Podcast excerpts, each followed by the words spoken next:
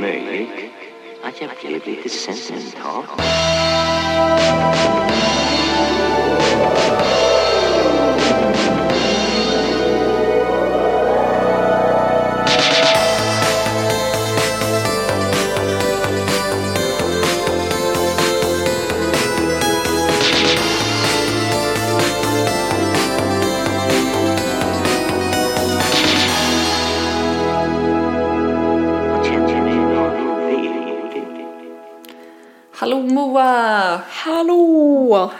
Finally podd igen. Ja, finally. Det blev ett litet uppehåll Mm.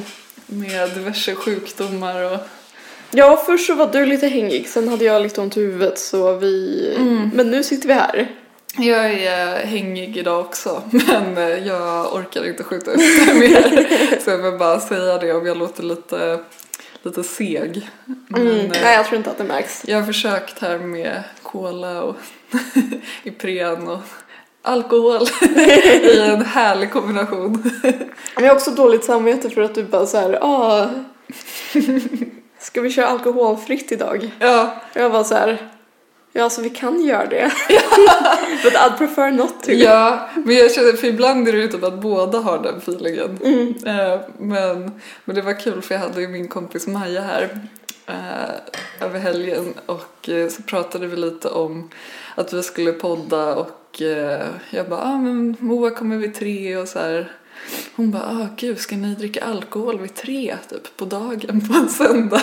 Jag Ja, bara, det kanske är konstigt. jag bara, det är typ lite konstigt när jag tänker på det. Eh, Men så försökte jag ändå så här, jag bara, ja, men grejen är typ när vi, när vi inte dricker att avsnitten blir typ för tajta. Ja, Alltså det blir så här, tajta på ett dåligt sätt. ja precis, att det är så här, det här är mitt ämne, det här är ditt, hej då. Men det är också, eller jag tycker att någonting kul ska man väl få göra på söndags eftermiddagen Ja, också. ja, absolut. Jag håller verkligen med. Det var mer när jag såg det utifrån. Ja, jag så här, vet. ah, Jag det- vet, jag, jag, jag håller med när man, när man berättar och sådär men det är liksom, det är någon sorts Sunday roast eh, fast för oss bara. Ja, ja, ja men det tycker jag, det verkar så mysigt ha sån Sunday roast-kultur typ. Mm, jag önskar att vi hade det. Ah, det känns inte så svenskt liksom. Nej, inte Eller, alls. Nej, kanske typ förr i tiden. Jag vet inte. Ja, det känns vagt 50-tal, men Ja. ingen aning. Nej. Men jag hade också en sån utanifrån upplevelse på vår podd. Eller det var att, ja, jag pratade med mina kollegor, det här var inför förra veckan när jag var på internat. Och så sa de så här, ah, vi pratade om vad vi skulle göra helgen då. Ja, och så säger jag så här, ah, på söndag ska jag podda typ. Och så börjar jag prata om podden och så, ah, vad heter den, bla bla bla. Och så varje gång jag ska säga vad podden heter tycker jag att det är så pinsamt. Alltså Ja. jag vet inte vad jag ska, alltså jag vet inte om vi måste, alltså vi kan ju inte byta obviously. Nej. Jag funderar på om vi ska börja, ska börja kalla den för ÖNS. Ja, jag vet inte, det var men det låter också som så här Östersunds fotbollslag typ. Ja, det är nära. Ja. Nej men jag vet inte, jag tycker bara att det är, eller det var kul när vi kom på det. Ja. Men nu känns det som att det är så pinsamt. Men ja, jag, vet, jag känner typ så här mellan oss att jag tycker fortfarande att det är ett bra namn. Men jag håller med om när man ska säga det till strangers. Ja precis, precis, det är, precis. Eh, Och kanske också om man inte har någon aning om att det är två gator i Uppsala. nej jag Så vet. blir man bara såhär, what? Jag vet. Och att det låter så himla mycket som att det bara, att det bara handlar om Uppsala. Ja, eller också att det låter som, alltså slå, alltså det är någon så här kungafamiljen. Ja, ja. Nej, men det är också tänkt på att, förlåt jag vet inte om det här är intressant alls. Nej, men Klippa bort det i så fall. Men att det låter som att man har någon sorts så här eh, att man vill låta lite överklass liksom. Ja. Så här öfrenitre. Ja, det är tur att vi inte stavade med F i alla fall. För det heter ju gatan på riktigt typ. Eller det står ju det Ja, på men det, gatuskylten typ. det hade varit too much. Ja, verkligen. Ja, Ja, men så, så jag vet inte, jag vill, bara, jag vill bara att ni ska veta, ni som lyssnar, Ja. att vi bär det här namnet med ett ok. Med ett Eller ok. som ett ok. Ja. Ja, vi får väl se om det blir någon rebranding någon gång. Ja, men samtidigt, det, det går typ inte att byta namn heller. Nej. Alltså, det är som typ, du vet Arctic Monkeys? Mm. De hatar jättemycket att de heter Arctic Monkeys. Ah. Även om jag tycker att alltså, det är gulligt. Ja. ja. Men det var bara så här, något kul de kom på när Ja. de var kanske 17. Men eh, vad heter det? Bianca Beijer och Jonathan Unge bytte ju namn på sin podd. Så Just it's ja. possible. För de hette ju typ Jonathan och Bianca gifte dig judiskt eller något sånt där. Just ja. Men eller så här var det, först så hade de en podd som hette Unge Meyers lidanden. Ja. Men den typ breakade aldrig och sen så blev det den här Jonathan och Bianca gifter dig judiskt. Ja. Och sen blev det Unge Meyer igen Ja. när de flyttade till Perfect Day, tror jag. Ja, ja, men, ja, men säkert. Men jag menar bara, det har hänt. Ja, ja. Om vi någonsin skulle känna att det här går bara inte. Så kommer på att eh, Moa och Sara dricker på söndagar. Så här, mer, mer realistisk eh, mer real- realistiskt namn. Men vad som jag- faktiskt händer. Men det är också grejen att det finns ju, alltså det finns inga bra poddnamn har jag tänkt på också. Så att, Nej. det, alltså, vi, jag vet inte om det är så mycket sämre än något annat poddnamn. Men Unge Majers lidande Ja, det är tycker jag är bra. Ja, det är toppen. Ja, Men jag menar så här, antingen så blir det liksom namn. namn eller så blir det något mer så här typ Ja. surret. Finns det en podd som heter? Ja! Eller något lite mer så här. Ja, exakt. Ja, precis. Och så, ja, exakt. Filip och Fredrik Alex och Jag vet Sigrid. bara söker en podd tycker jag är bra. Men det är ju också för att det är en Ulf Lundell-referens. Ja, ja. Stormens utveckling, jag vet inte. Ja, det är ju, det hade ju kunnat varit ett, alltså det är ett indiebandsnamn liksom. Ja, precis. Ja, gud. Men eh, har det hänt något sen sist? Som Eh, du vill Ja, slida in på? eh, ja, jag ska nog till USA i vår. Känns kul. Mm. På en konferens i Austin. Ja, det är ett ställe man kanske inte hade åkt till annars. Nej, det är det som är kul. Ja, verkligen. Det är också kul för att du vet Lars Gustafsson, författaren. Ja. Han var ju gästprofessor i Austin någon gång på 70-talet och skrev Ah. romanen Tennisspelarna om det. Och då är han så här Strindberg-forskare. Ah, Så okej. det känns att åka dit, för ja det är konferens vi ska dit för. Att åka dit och prata om Strindberg känns lite så här kul av den anledningen. Ja, liksom. Det är en roman som jag verkligen gillar. Då eh, kommer du hem och har skrivit en roman sen också. Ja, om de här, om den här veckan typ. Ja. Men dock att det, alltså nu ska det sökas pengar och sånt där så det är liksom, det är ett himla tjosan som väntar. Mm. Det verkar vara lite så i den världen. Mm. Så det var väl det stora. Du då?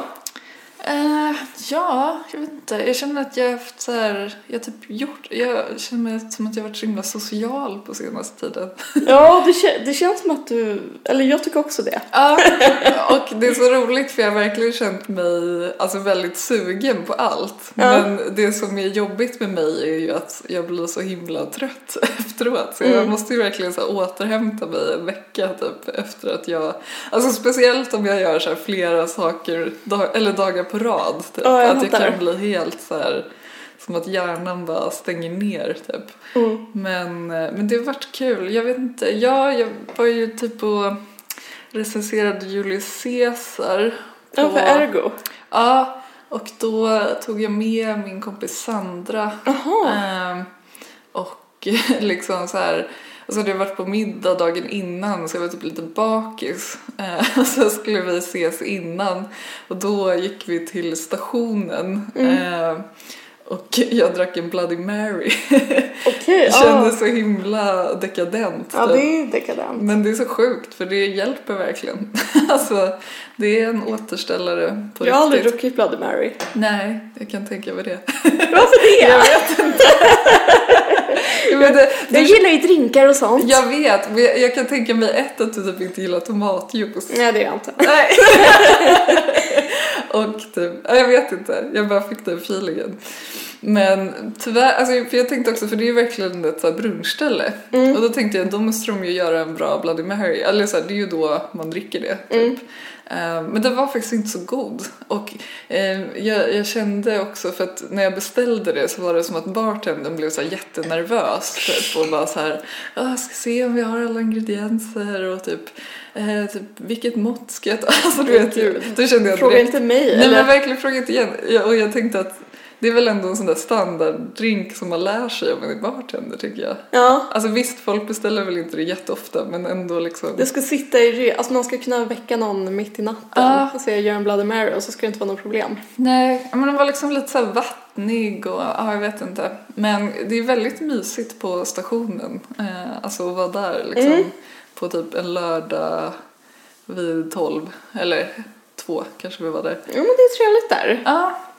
Eh, Så gick vi ut efteråt också. Jag ska säga att jag brukar inte göra det när jag skriver recensioner. Eh, Men eh, de har inte lika tidig deadline på, på Ergo så att det var ganska lugnt liksom. Mm.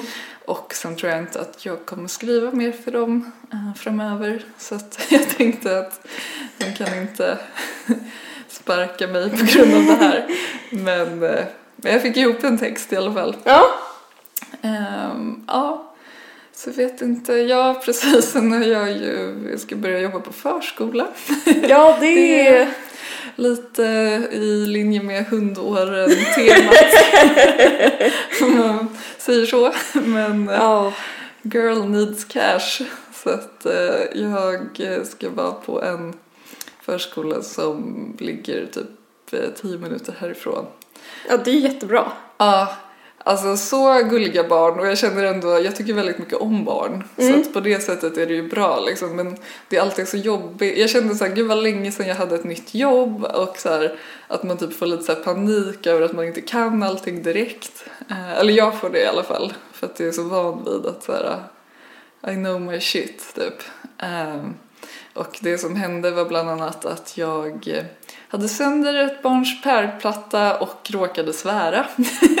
Så det gick eh, jättebra första dagen. Men det är bra att de får se liksom att allt inte bara är glatt och eh, att det inte var hunky-dory här i livet. Nej, nej precis. Så Jag, lär sig den hårda vägen. jag tror att barnet var för litet för att uppfatta eh, det. Förhoppningsvis. Men eh, ja, vi får se. Det känns, eh, det känns väl bra, I guess. Eh, Ett kneg, liksom. Ja, det är ett kneg. Ja. Men, men ja, vä- vä- väldigt gulliga barn. Jag har inte alls varit så social. Eller jag känner att jag var liksom mer på så här Ulf Lundell-humör liksom. Ja. Men jag tror att jag kommer... Lite mer så salt och no bullshit. Jag tror att jag måste ha en period då jag eh, går tillbaka i min kokong. Men vi ska ju för sig gå på eh, oslipat Ja. på onsdag. ja, det blir kul. Och slippa att prata om, nu kommer Svempi. Ja, ursäkta för lite ljud här i bakgrunden. Och slippa att prata om litteratur. Ja, på Katalin. Ja, det ska bli så kul. Jättekul. Mm. Eh, men kan inte du berätta lite om den här krönikan som du skrev? jag vet att man kanske inte ska återanvända material men jag tyckte det var så himla intressant bara. Ja, men eh, det var en krönika som jag skrev i LT, alltså Länstidningen Östersund. Mm. Som handlar om varför jag inte har läst eller sett Kerstin Ekmans Händelse i vatten. Ja, och eh, ja. Nej men jag liksom, jag försöker väl komma till botten med vad det är som liksom stör mig och sen så typ, um, ja men resonera lite om så här, ja måste man se, måste man läsa boken för att se filmen, alltså nu är det en tv-serie men det, filmen är mer generellt exempel liksom, bla bla bla. Eh, liksom slutsatsen var väl mest att jag tycker Kerstin Ekman verkar supertråkig. ja. Jag tyckte väl bara att det var kul för att jag kände igen mig så extremt mycket. Ja. Jag vet inte om vi har pratat någon gång om Kerstin Ekman. Inte on tape kanske? Nej, men kanske tidigare. Men jag har ju verkligen exakt samma känsla. Jag kan bara inte förmå mig. Nej men det är, bara, det är bara någonting som dör, precis som, precis som utrustningen dog när jag tog upp Kerstin Ekman Ja. så det känns som att någonting bara dör när man tänker på henne typ. Ja, och jag vet inte. För det känns som att det är så många som tycker om henne.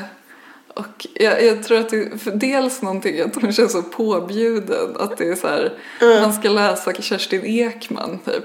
Ja men och att det är så här, det här är en bra författare. Ja, ja men exakt. Men så kommer jag att tänka på att jag en gång försökte läsa en bok av henne. En så här superkort roman som heter Hunden. Eh, Och visst, det kanske inte är hennes bästa bok liksom. What do I know? Men det var så jäkla tråkigt. Så jag liksom, Den utspelar sig, det är en hunds perspektiv på, på Ja, världen. Hon är, ja hon, eh, den är i en skog typ och man följer den. Och jag var liksom inte ens hundra sidor kunde jag ta mig igenom. Nej. Så att jag tror också att det är dött lopp för mig. Eh, Men liksom jag har många vänner som har sagt att den här händelsen vid vatten är jättebra. Men det är också, alltså så här, det är all, allt, eller det bara skriker präktighet på ett sätt som gör att jag liksom helt, Ja. alltså som gör att jag inte, nej det går bara inte. Alltså jag kan inte läsa sånt där som är så himla, det är samma sak med Sara Lidman. Alltså jag läst några böcker av henne. Men Det är lite samma låda. det är samma låda av liksom Ja. så här typ det här är god litteratur, inte bara för att det är så bra utan också för att det har något så här, jag vet inte, nästan högre värde liksom. Som är så här, att det är så här humanistisk litteratur. Ja. Re, det är rejäla berättelser om rejäla människor typ. Ja. som gör att jag bara zonar ut liksom. För jag, jag har läst två böcker av henne. Det, den ena tyckte jag inte alls om. Alltså Kerstin Ekman Nej, eller? förlåt. Sara Lidman pratar Ja. jag om nu. Men det känns verkligen... Ja, men jag gillade den här... eh, Vad heter den? Hjortronlandet. Nej, den här som handlar om en by i Norrland. Ja, Vad men, heter ja den? just det, hennes enda bok om Norrland ja. Nej, förlåt. Jag blev bara så... Jag fattar att jag inte kan komma ihåg vad den heter. Jag ser omslaget jättetydligt framför mig, men jag kan inte... Heter den... Eller byn heter typ Missenträsk. Ja, men det, det heter väl, det är väl alla hennes berättelser utspelar sig väl där. Ja, ja men förlåt. Ja, skitsamma. Men, Skitsamma, men det är, det är inte en författare jag känner att jag vill ta tag i igen. men det är Om så här, alltså jag kan läsa det. Ja, Men det är bara att jag känner så här. nej jag vill inte. nej. Ehm, men, ja. Och, och så, där kan det bara vara liksom. Jag vet inte vad man ska Nej. göra. Man kan ju inte tvinga sig själv heller. Men för ändå tänker jag att den här händelsen i vattnet är väl ändå ganska dark liksom. Ja, Vad jag det ska har det väl vara. förstått. Liksom 70-tal, någon så här hippie-sekt typ. Mm. Ja. Men det, Men, det är dark på fel... Alltså jag vill att det ska vara dark i stan. Just det, okej. Ja, jag har inget emot berättelser som är på landet, men, eh, men eh, ja. Jag var faktiskt på loppis i fredags och köpte hem Statarna av Ivar Lo, apropå landet. Ja. Men eh, nej, nej, jag vet inte. Det, det går bara inte med Kerstin Ekman. Men jag skulle nog ändå kunna tänka mig att se serien ja, men jag, jag ska se serien. Ja, Eh, mest som en uppföljare till min, ja, till min nästa krönika. ja, Men det är så här, det känns typ som att jag borde få så här OB för det typ. ja. jag vet inte. ja. Eh, Får jag se, får jag, får jag se vad det roligaste med Kerstin Ekman som jag vet Mm. vad det är? Ja. Det är att, em, har du sett Alla mot alla någon gång? Nej, jag har inte det. De har Det är ju... bara för att jag har typ inte tillgång till det. Nej, det är, det är så. Ja, ja. Men de har ju ett så här moment som Mm. heter Lever den jäveln? Gud vad kul. Ja. Eh, och då ska man gissa, alltså det är kanske fem personer slash fenomen och så Mm. ska man gissa på om de lever. Ja. Så det kan vara så här ehm, Ja men Sara Lidman eh, Hemglassbilen Ja. eh, Bosse Larsson. Ja, ja, lite. Ja, jag Vilka av de här lever? Ja. Och Kerstin Ekman har varit med i det här momentet två gånger, alltså som ett så exempel. Mm. Och båda gångerna har båda lagen gissat på att hon har varit död. Ja. Åh gud, men jag, jag fattar det. Det tycker jag, alltså det är bara så här, det är bara någon så här konstig så här Ja, Jag tror att det, det är bara så alla känner typ undermedvetet. ja, ja, verkligen. Och det är inte så här, oh, för att hon är så gammal utan bara så här, för att man får så här noll vibes typ. Ja, och ändå är hon ju ändå, alltså menar ändå ser man ju typ intervjuer med henne. Ja, jag vet. Det är det och som är så... Ja, Det gör det nästan extra kul. men har det liksom någon, har det någon gång varit att det har blivit så här raball, alltså typ att någon kändis har liksom blivit sur för att alla har sagt att den är död? Alltså så här, Det vet jag inte. Det känns bara som att någon skulle ändå, alltså skulle finnas potential att någon blir väldigt kränkt. Ja, det finns mycket att bli kränkt över Ja. i det där programmet. Ja. Men eh, inte vad jag vet om i alla fall. Nej, Jag tycker bara att det är en så här, de kanske inte kollar på det programmet ändå. nej. Nej. Men jag tycker, jag tycker bara att det är, det är kul va? Ja, ja det är faktiskt väldigt roligt. Alltså det, det känner jag liksom, det ringar in typ min relation till Kerstin Ekman. Ja. Så här, lever den jäveln? Men en annan författare som jag också kommer tänka på, Elsie Johansson. Ja. Lever hon? Eh, För ja, hon var väl jättegammal, alltså redan för typ många år sedan. ja, verkligen. Ja. Men jag minns, jag var på och lyssnade på en konferens om arbetarlitteratur. Alltså på, alltså på Engelska parken. Ja. Typ 2018, alltså när jag läste mastern. Då var hon med som någon sorts keynote speaker. Ah. Och hon var jättegammal. Ja, ja. Men hon... eh, Men hon lever sist jag kollade. Sist jag kollade, och hon bor väl i Uppsala också? Ja, ja. det var därför hon, Ja. eller jag tror inte man hade orkat frakta dit henne från Nej, Malmö typ. nej. Eh, men henne, jag vet inte, jag kommer ihåg att man läste du vet den här Nancy-trilogin.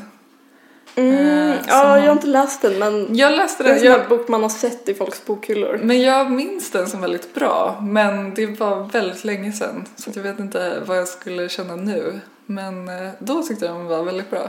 Ja, Eller så jag får inte samma känsla för henne som inför Kerstin Ekman. Men det känns ju också som att de har potential att vara lite samma låda liksom. ja, jag vet faktiskt inte. Nej, det bara slog mig. Ja, men, ja, ja, men det är sant. Mm. Eh, ja, men eh, kul. Det var bara... Jag kände väldigt starkt. Jag fick mycket känslor när jag läste din text. det gläder mig. mycket som blossade upp. Ja, men jag, tror, jag tror att det liksom, eh, alltså jag kan inte vara, eller jag tänkte det, det kan inte bara vara jag som känner så. Nej, det kan det ju inte.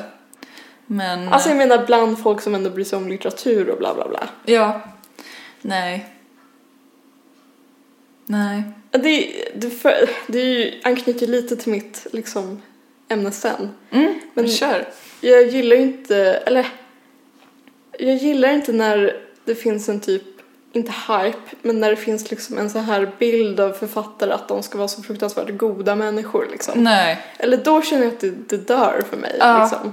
Och det, det är liksom, Kerstin Ekman har bara liksom, hon har bara hamnat i det facket typ. Ja.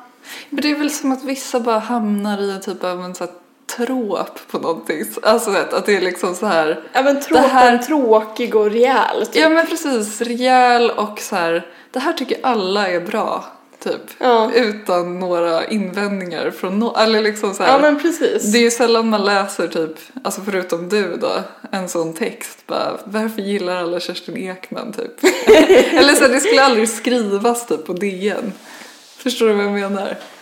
Nej, eller ja, jag kanske, alltså så här, det kanske är så här, åh den stora författaren Kerstin Ekman, Ja. humanisten, bla bla bla. Ja, Men, nej men jag är ju, apropå det här ämnet lite, eller jag känner att det gled in, Mm. så jag har ju tänkt, läst, kollat på lite Selma Lagerlöf-relaterade grejer Mm. senaste månaden, senaste månaderna kanske rent av. Ehm, och vi har ju pratat om Selma Lagerlöf förut i den här podden. ja. Och då har vi varit så här, Selma Lagerlöf, typ, varför är det sån liksom, eller varför blir det så, vad ska man säga, varför blir det så 2015-tuntigt när man pratar om Selma Lagerlöf ofta? ja, och att det blir liksom så här bokklubbskänslan. Ja, men också. precis. Ja. ja, och det här med typ Selma. Ja, att, Alltså- folk är, att folk är Selma med henne. Ja, mest eh, litteraturintresserade tjejor. Ja, Det, det hatar jag liksom. ja, Eh, och därför, alltså jag kan, jag, kan ha, jag kan ha jättesvårt för liksom författaren Selma Lagerlöf, eller så här, the public image ja, av Selma Lagerlöf. ja. Eh, men nu har jag ju läst, eh, och jag har sett den här dokumentären av, om henne som gick i julas på SVT. Och så har jag också läst, eh, eller jag håller på att läsa den här Mårbacka-trilogin. Och grejen är att jag älskar ju Selma Lagerlöf som författare. Inte alltid, men nog ofta för att jag verkligen ska bli så blown away när jag läser henne. Eh, så det är som att det känns som att folk bara går runt och sabbar hennes legacy hela tiden. och det liksom, det håller på att göra mig tokig känner jag. Ja. Bland annat genom den här dokumentären. ja. Var, var den liksom, det var premissen för den också, typ, att hon var så himla god människa, typ. Eller? Ja men, eller så här, ja precis, att hon är så här vettig och rejäl och att eh, så här, att hon har liksom en naturlig känsla för gott och ont typ. Eh, dock, det finns ett exempel som, eller hennes så här historia som är lite graverande men även det liksom bara så här, det, det är ingen som pratar om i den här, eller så här, det nämns i dokumentären men det typ görs ingen grej av det.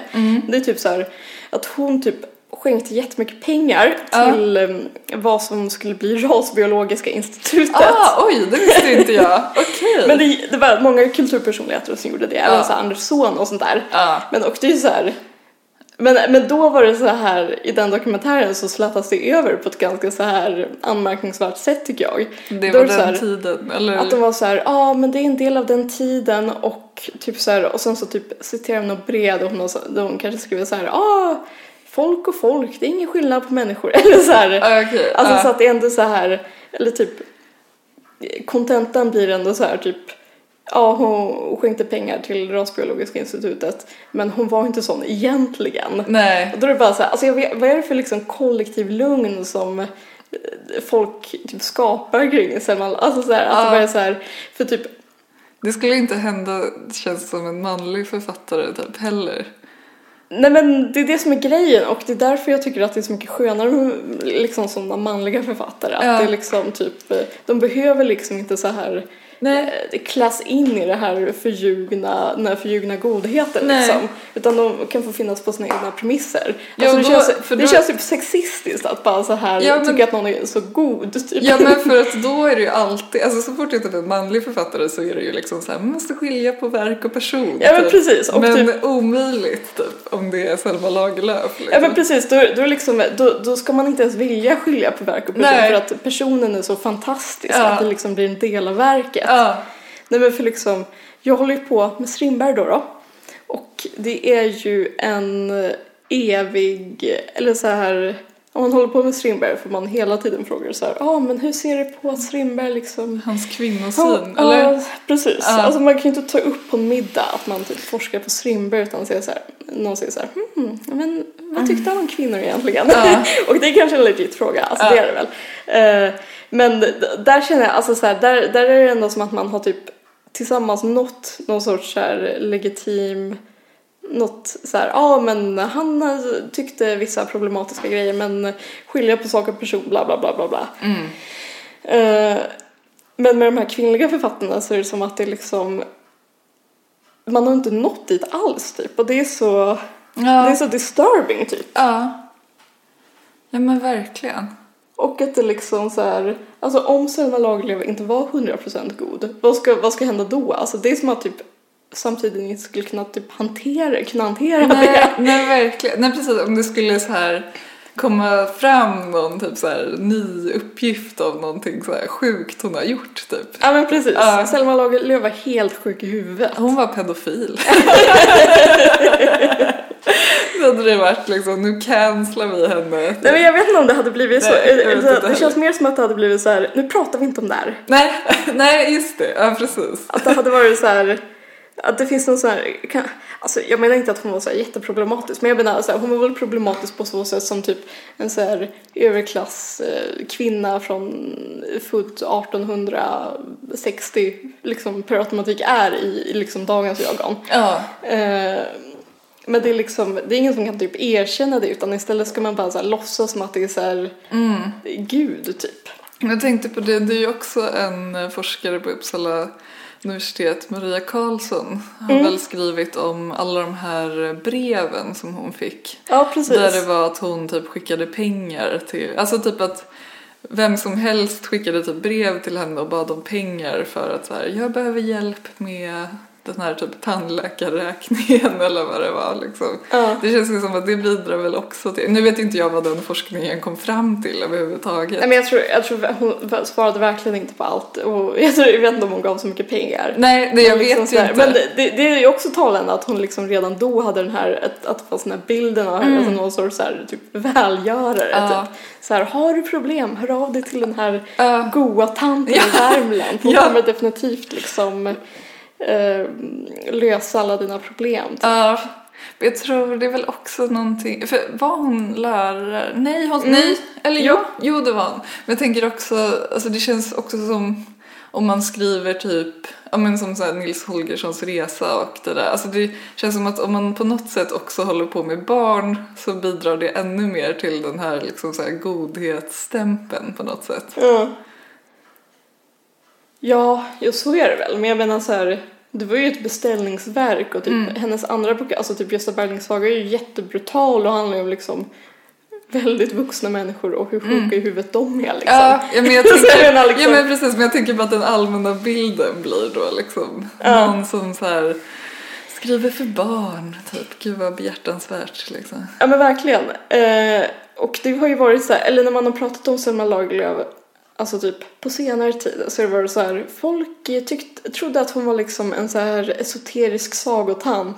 eh, Men sån var hon inte. Eller att Nej. det har varit så här eh, narrativet typ när man har läst litteraturvetenskap. Och eh, det är ju sant att hon tolkades som en så här sagotant. Men det känns som att alltså, folks typ väldigt så här välmenande tolkning av henne idag är någon sorts konstig förlängning av den här sagotantsgrejen. Alltså det är inte sagotants... Det är inte, det är inte att hon är en sagotant. Nej. Men det är fortfarande att hon är någon så här klokheten själv, typ, Ja, vilket ja. är besläktat med att vara en sagotant i Ja. mina ögon. Gud ja. Ja, nej jag ska bara säga det, jag är ju inte ett fan av henne. Eh, Jag har läst typ tre böcker och Vad har du läst? jag läste den där, en her- man läste på A-kursen typ en herrgårdssägen, sen har jag läst Körkaren och den här Herr Arnes penningar. Just det. Ehm, nej, inte för mig. Nej. Men eh, jag har ju faktiskt varit sugen på den här Mårbacka ändå. Alltså den, den står i hyllan liksom. Eh, Ja, jag har ändå känt att jag kan tänka mig, men jag vet inte. Alltså jag, jag har väl eh, lite också sån Kerstin Ekman-känsla Ja, men henne. det är det- Utan att så här, para ihop dem överhuvudtaget. Ja, men det är kanske lite, jag tycker ändå att det är lite samma, det är lite samma typ Ja, sjukdom som Mm. liksom är, är kring dem båda liksom. ja, Att folk bara projicerar en massa så här, eh, ja men, bara någon så här, den goda kvinnliga författarbilden och att det gör att man blir så här, eller då tycker jag att det är mycket härligare att bara så här, ja, nu ska jag läsa Strindberg eller nu ska jag läsa Peter Handke eller någon som är liksom så här en bad boy. ja. Jag tycker att det är mycket mer liksom Alltså det, det, det liksom lämnar så mycket mer frihet åt läsaren att själv typ så här ja, men, ta sig an texten på något sätt tycker jag. Ja. Även om det finns mycket så här ja, men det finns ju jättemycket bilder av hur de är också och så där. men jag menar så här det, det kommer inte lika, det kommer inte lika så tungt bagage om hur någonting ska läsas. Nej. Eh, eller, eller då blir det mer den här Ja. tyck, eh, verk versus person-grejen på sätt som det inte blir med Selma Lagerlöf och så. Ja men precis. Men, men eh, liksom, med allt det här sagt så, alltså jag älskar ju Selma Lagerlöf. Mm. Eller eh, hennes böcker jag. Inte alla och ibland kan jag bli väldigt så här. Ibland kan det finnas någonting väldigt så kristet Ja, i Selma Lagerlöfs berättelser som kan stå mig upp i halsen lite. ja, I alla fall när man är inne i någon så här nihilistperiod. ja. Eh, så man måste vara på ett humör. Men jag tycker ändå att det är liksom, alltså generellt tycker jag ändå att det är underbar litteratur. Mm. Och ja men den där Mårbacka-sviten, ja men jag älskar den bara. Mm. Det är så här, ja men en väldigt så här härlig barndomsskildring av typ det gamla livet på typ herrgårdarna i Värmland. Och det, det är mycket att de har så mycket roligt för sig hela tiden. Ja. Typ så här, när, Selma Lagerlöfs pappa fyller år i augusti varje år så är det så här en jättestor fest, alltså så han bjuder in typ hela byn och det är så här, de skriver små pjäser och uppför det för honom och allt är bara så här, alltså det är bara så här livets fest liksom. Ja. Alltså det är mycket, det är mycket sånt där som bara är så här, och mycket så här, lite så här folklore, alltså s- olika sägner och så berättelser som är lite, vissa är lite övernaturliga, vissa är lite mer så här, eh, jag vet inte, mustiga i största allmänhet. Men Ja. det, jag gillar det i alla fall. Ja, Men det är bara, det är bara att jag, det är så kvävande med den här typ bilden av Selma Lagerlöf. ja, Att, och jag tror verkligen att den står i vägen för folk. ja. Ja, ja, jag vet inte. Det känns inte som min, min culture Nej, eh, av, eh, av litteratur nej jag fattar. överhuvudtaget. Men jag förstår ändå. Ja, Jag förstår. du förstår. Ja. Men det är också, med den där dokumentären var också så fruktansvärt för att, eller alltså den var helt okej den dokumentären. Det är ju väldigt svårt att göra dokumentärer om så gamla personer tror jag. Eftersom det inte finns så mycket rörligt så att säga. Nej. Eh, Men då hade de liksom löst det på ett väldigt så här tuntigt sätt. Som är att eh, typ de hade skådisar som läste in eh, citat. Ja. Och en av dem, Ingla Olsson heter hon väl på Dramaten, hon var väldigt bra. Hon spelade så här, den äldre Selma. Ja. Eh, men så var det någon typ skånsk, lite så här estradpoetig kvinna. som hade liksom läst in massa, eh, massa grejer och som det var lite så här, ja det skulle vara lite esoteriskt liksom. Och det var bara, alltså det, man satt där och bara, det här är helt fruktansvärt. Alltså det här är typ ett övergrepp. på mig, på Selma Lagerlöf, på alla andra. Ja. Eh, varför måste ni göra så här? Ja, nej men så det var väl det, var väl det. mitt liksom min tanke är väl den, typ läs Selma Lagerlöf men typ ignorera bara vad folk säger om henne. Ja, alltså man får sin egen... Så blir allt bra. Ja, Ja, men det var väl ett jättebra eh, tips. Och det kanske är exakt samma sak med Kerstin Ekman, bara det att den här mytbildningen om henne har varit för liksom tjock för att man ska kunna ta sig an det. Ja, ja men precis.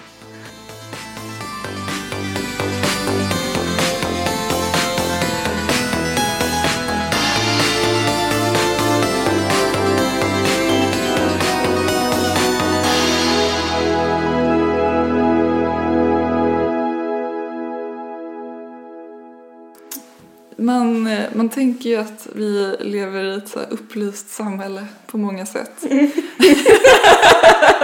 Det är min inledning. Men eh, sen så ser man att det kom, kommer en ny säsong av Biggest Loser. Åh nej. Och då känner man direkt eh, hur fan kan det fortfarande sändas? Ja, det är helt sinnessjukt. Det är helt sinnessjukt. Men jag har typ aldrig sett det, men jag känner bara så här, jag kan inte se det heller. Nej. Det, ja, nej. Nej, jag, men jag minns att det ändå så gick på tv typ när man var yngre och att man kanske såg lite grann. Ehm, men jag- bara, det här är ju så sjukt. Och så började jag tänka på att alltså, det här är typ vår tids freakshow. Eh, att liksom man ska ställa upp de här personerna och att det är så här Fan vad sjukt att de är typ tjocka. Alltså så här, det är bara en helt sjuk premiss liksom. Ja. Och så försökte jag ändå tänka liksom så här Plus att det är ju typ, eller förlåt, du kanske ska komma till det. Men det är ju typ, du brukar ju inte alls hjälpa dem. Nej, nej men precis och det har ju varit kritiken tydligen. Det var också så här när jag läste om det bara ah, Biggest Loser har ju inte sänds de senaste två åren. Jag bara senaste två åren? Jag trodde det la ner typ för så här tio år sedan. Alltså jag bara två år är ju inte alls. Alltså så här. Och så bara nu har vi tagit till oss av kritiken så nu ska det handla mer om typ hur man kan få en så här långsiktigt hälsosamt liv typ. Okej. Men det är ju bara, det är bara så att de säger liksom. Ja, precis. Ehm, men då, Då finns det ingen riktigt tävlingsmoment heller riktigt. Nej, men det är fortfarande ett tävlingsmoment. Eh, alltså jag, jag blev så fascinerad av det här så jag såg faktiskt två avsnitt i liksom så här research-syfte. Men, men jag kan återkomma till det. Men det var lite roligt för av en slump så började jag läsa om eh, den verkliga historien bakom skönheten och odjuret. Jaha. Känner du till den? Ehm, nej. Nej. Jag visste inte att det fanns en Nej. värld. Jag trodde bara att det var liksom en, En gammal folksaga Ja, liksom. men den är då baserad på eh, en verklig händelse under 1500-talet i Spanien. Eh, för att då var det en man eh, som hade, det finns ju en sjukdom som man kan ha, du vet där man är så täckt av päls. Ja, just det. Mm. Eh, och det är ju så här, drabbar typ fem personer var hundrade år. Alltså det är ju väldigt rare typ. Men det finns fortfarande liksom. Och det var ju sådana personer som de bokstavligt talat hade med på de här freakshowsen. Ja, ja men exakt. Det var därför jag kom att tänka på det. Men jag tänkte bara berätta den historien för det är så jäkla galet. Eh, men för att då var det liksom att eh, eh, den här mannen, då, jag kommer inte ihåg vad han hette, men eh, han, eh, det var ju väldigt mycket du vet i så här hov att man ville ha liksom lite så här peculiarities. Eh, så att då blev han liksom så upptagen i hovet. Eh, Ja men typ, ja men som på den tiden att de typ så hade någon sån här narr typ som kom in, alltså liksom den stämningen. Eh, och han hade liksom levt, alltså så här jättehemskt, typ så här instängd i en bur. Alltså du vet, alltså helt brutalt liksom. Och då var det typ att den här kungen då ehm, bara, jag ska se om jag kan typ civilisera det här djuret. Alltså så här fruktansvärt Ja. liksom. Men det var ju bara en helt vanlig människa eh, och han var tydligen väldigt begåvad liksom. Så att han, han, blev, han fick lära sig så här, filosofi och typ lärde sig tre språk och var typ jätteintelligent liksom. Eh, men sen så dog den här kungen eh, och då var det hon, vad heter hon, Katarina Medici eller Medici. Ja, Medici. Eh, som inte var lika välsinnad eh, Tidig honom. girlboss. Tidig girlboss, exakt. Eh, men hon tyckte att det skulle vara ett jättekul experiment att se om han, om han skulle få barn, om de också eh, skulle få den här eh, sjukdomen. Så att han, hon, Vad kul. Ja, så att hon tvingade en eh, typ tjej i hovet tror jag, eller någon rik liksom, adelsperson att gifta sig med honom eh, och därav då Skönheten och odjuret eh, berättelsen. eh, och, eh, men det som hände då var att de fick typ ett så jättelångt och härligt äktenskap och typ hade det toppen och fick typ så sju barn. ehm, Varav då fyra av de här också fick den sjukdomen. Eh, men så att på porträtt så har de bara porträtterat de barnen som fick sjukdomen för att det var liksom en sån kuriositet. Ehm, men sen liksom, de levde typ, alltså så här, som liksom eh, eh, finklädda liksom slavar mer eller mer. Eller du vet så här, de, de här barnen liksom så här skeppades runt på olika slott och liksom man hade det som någon typ av uppvisningsgrej liksom. Så jävla sjukt. Eh, men, men då kom jag bara att tänka på den här parallellen med liksom freakshows eh, nu och då. Eh, för jag, när jag tittade på Biggest Loser så slogs jag liksom av att de är också instängda i ett slott och liksom finns där för att eh, typ vanliga människor ska tycka att det är så jävla sjukt typ. Eh, men jag menar sen kan man ju se på det välvilligt också om man vill att det är typ såhär ja de har ju hälsoproblem och bla bla bla bla bla. Men eh, om man tänker så så kan man ju i alla fall slås av att det inte finns ett program som heter Biggest Gainer. Om man vänder på myntet liksom. Det skulle ju i sådana fall vara att man tog liksom några ätstörda personer och se vem som kan gå upp mest i vikt. Men känns eh, som- ett sådant program finns ju inte. Inte än i alla fall. Nej. Men, eh, ja, jag vet inte, jag, jag bara tänkte på liksom att det är the modern day freak show.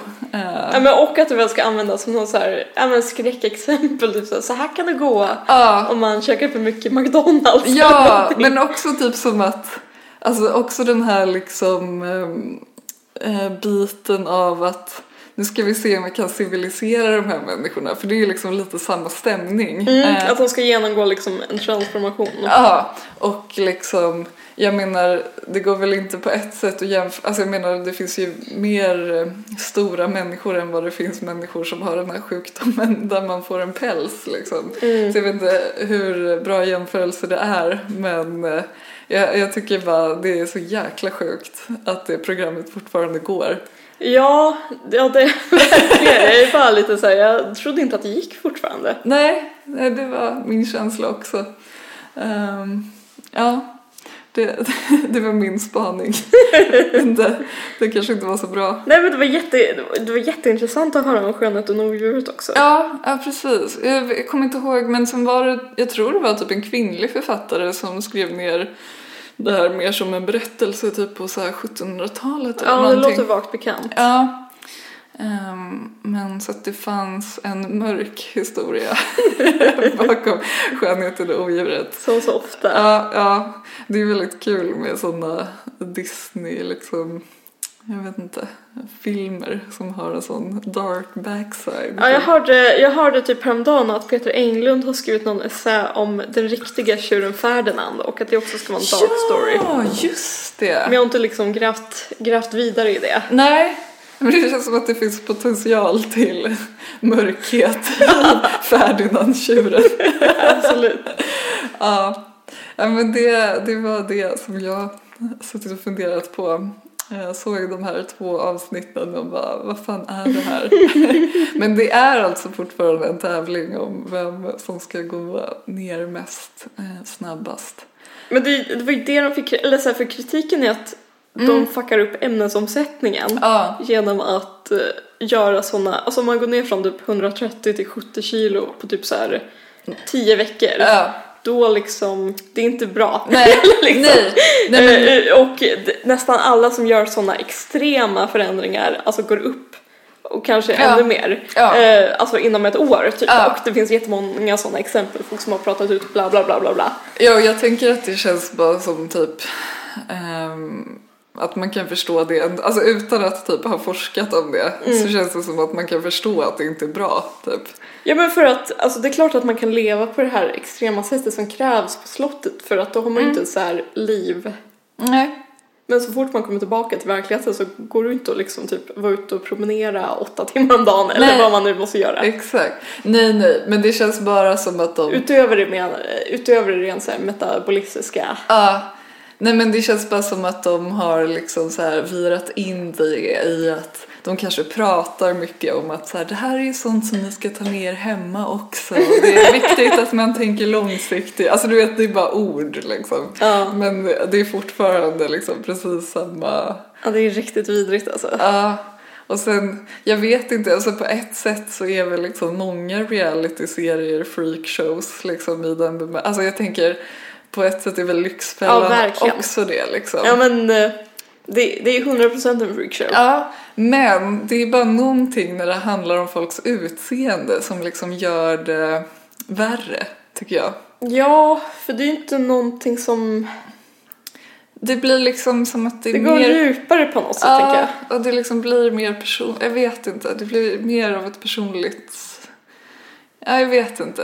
Mm. Det är liksom bara, det är bara mörkt. Ja, det är riktigt mörkt. Ehm, så att jag, jag vet inte, jag bara slogs av typ hur fan kan det här fortfarande sändas? Mm. Ehm, men folk kollar ju på det uppenbarligen. Ja. Ja.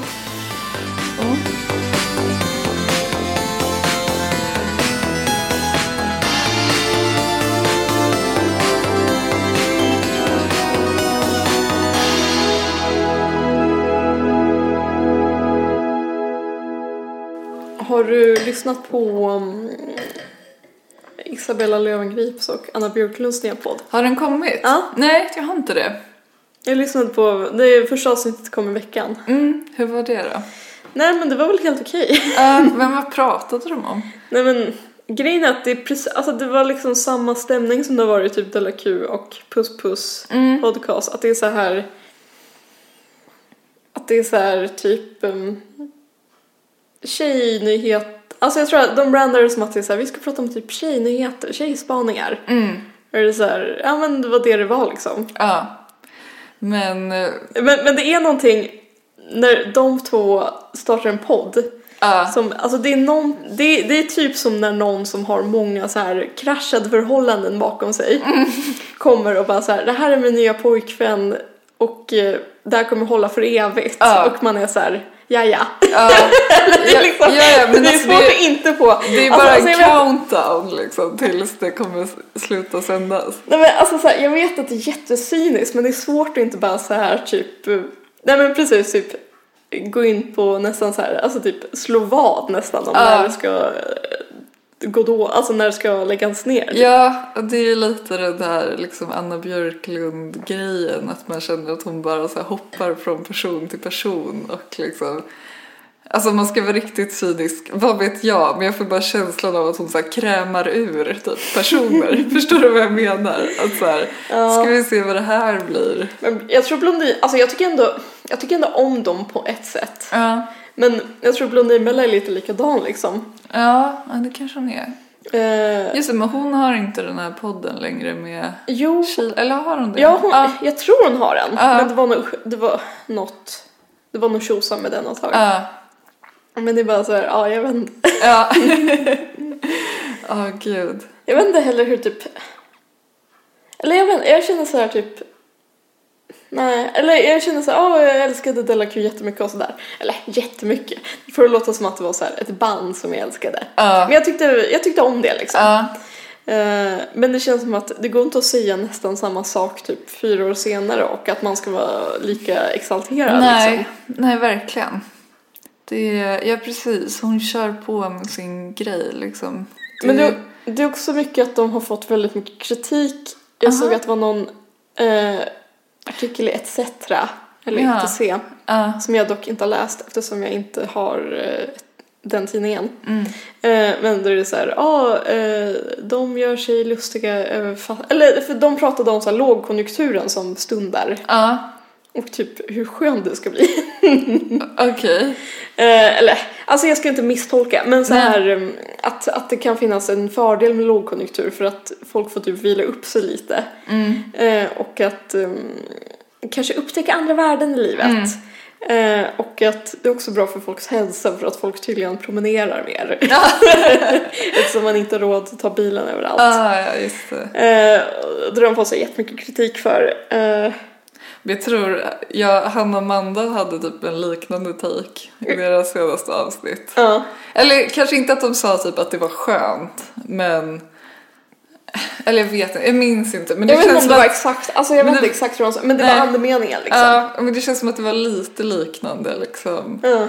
Eller typ, nu behöver vi det här och typ lugna ner oss och typ Men det är ju så himla, eller jag kan så himla mycket typ se mig själv i det där. Ja, För att man kan tycka typ, alltså man har saker på det liksom säkra. ja, Att man kan tycka att det är så här, finns ett så här härligt mys. Ja. Jag typ, jag vet inte, leka fattig.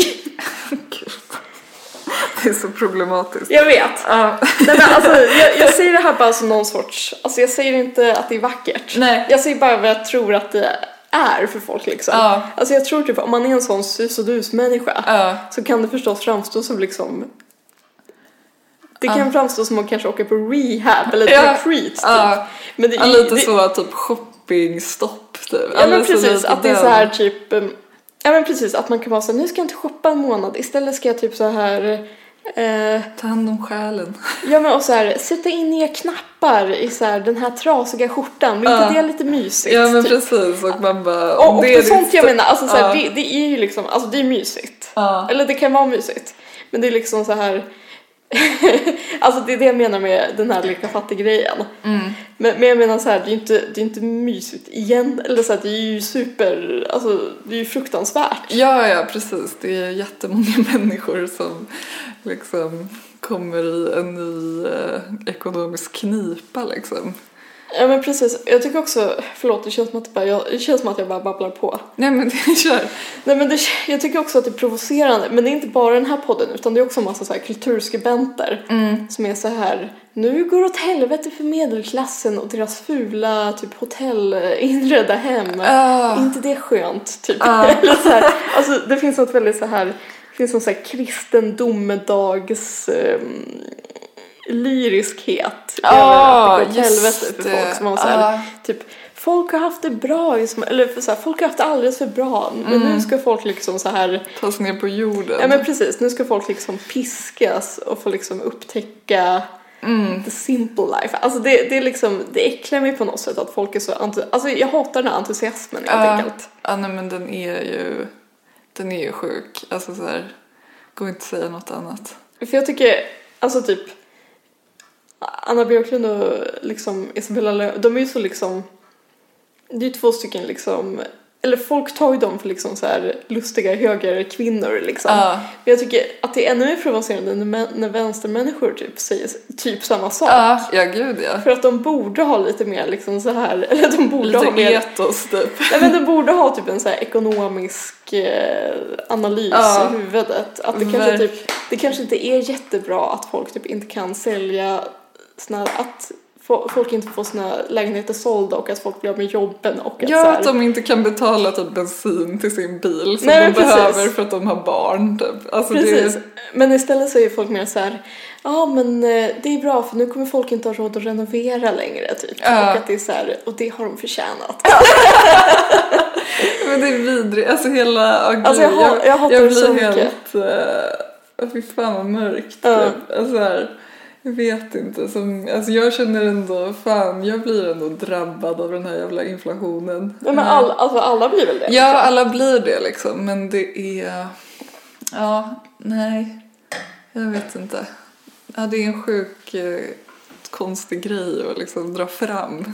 Men det är också så här, typ, om man bara ska vara krass så typ så här, en stark och välmående medelklass betyder ju typ ett välmående land liksom. Ja. Om, alltså medelklassen är ändå så här, alltså Ja. man kan säga mycket skit om medelklassen. Ja. Men medelklassen är ändå så här, ser till att saker är stabila och ändå men- någon sorts garant för så här, Ja, att det finns en medelklass. Ja, men precis, det betyder ju att liksom, det ändå finns folk från typ en arbetarklass som kan ta sig till en medelklass. Alltså så här, jag vet, men det är ju det, det liksom. men det känns som att typ folk hatar liksom medelklassen så mycket på ett nästan perverst sätt. Ja. Att de typ tycker att det är bättre att medelklassen typ imploderar. och att så här, ja, men ja, precis. Det är som för, att, för att det är så här, folk har förtjänat det för att folk har renoverat för mycket typ. ja. Nej men gud. Nej jag vet inte. Nej, jag tycker det, ja precis. Det är väldigt lätt att skämta om medelklassen men jag känner alltså min enda strävan i livet är typ att bli medelklass. Så ta inte min dröm ifrån mig, Anna Björklund. Jag kämpar på för glatta livet här och bli medelklass. Det är fan det finaste vi har. Att, att man kan eventuellt bli det. Ja, Ja. ja men precis.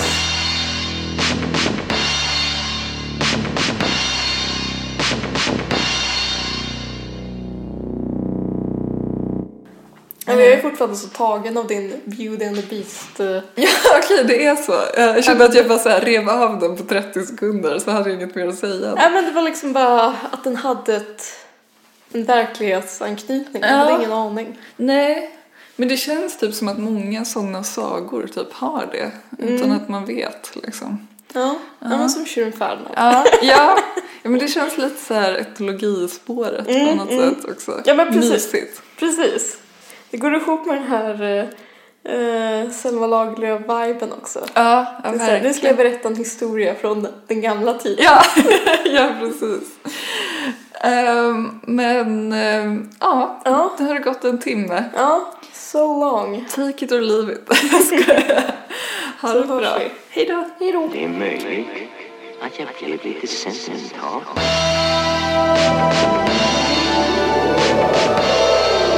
Thank.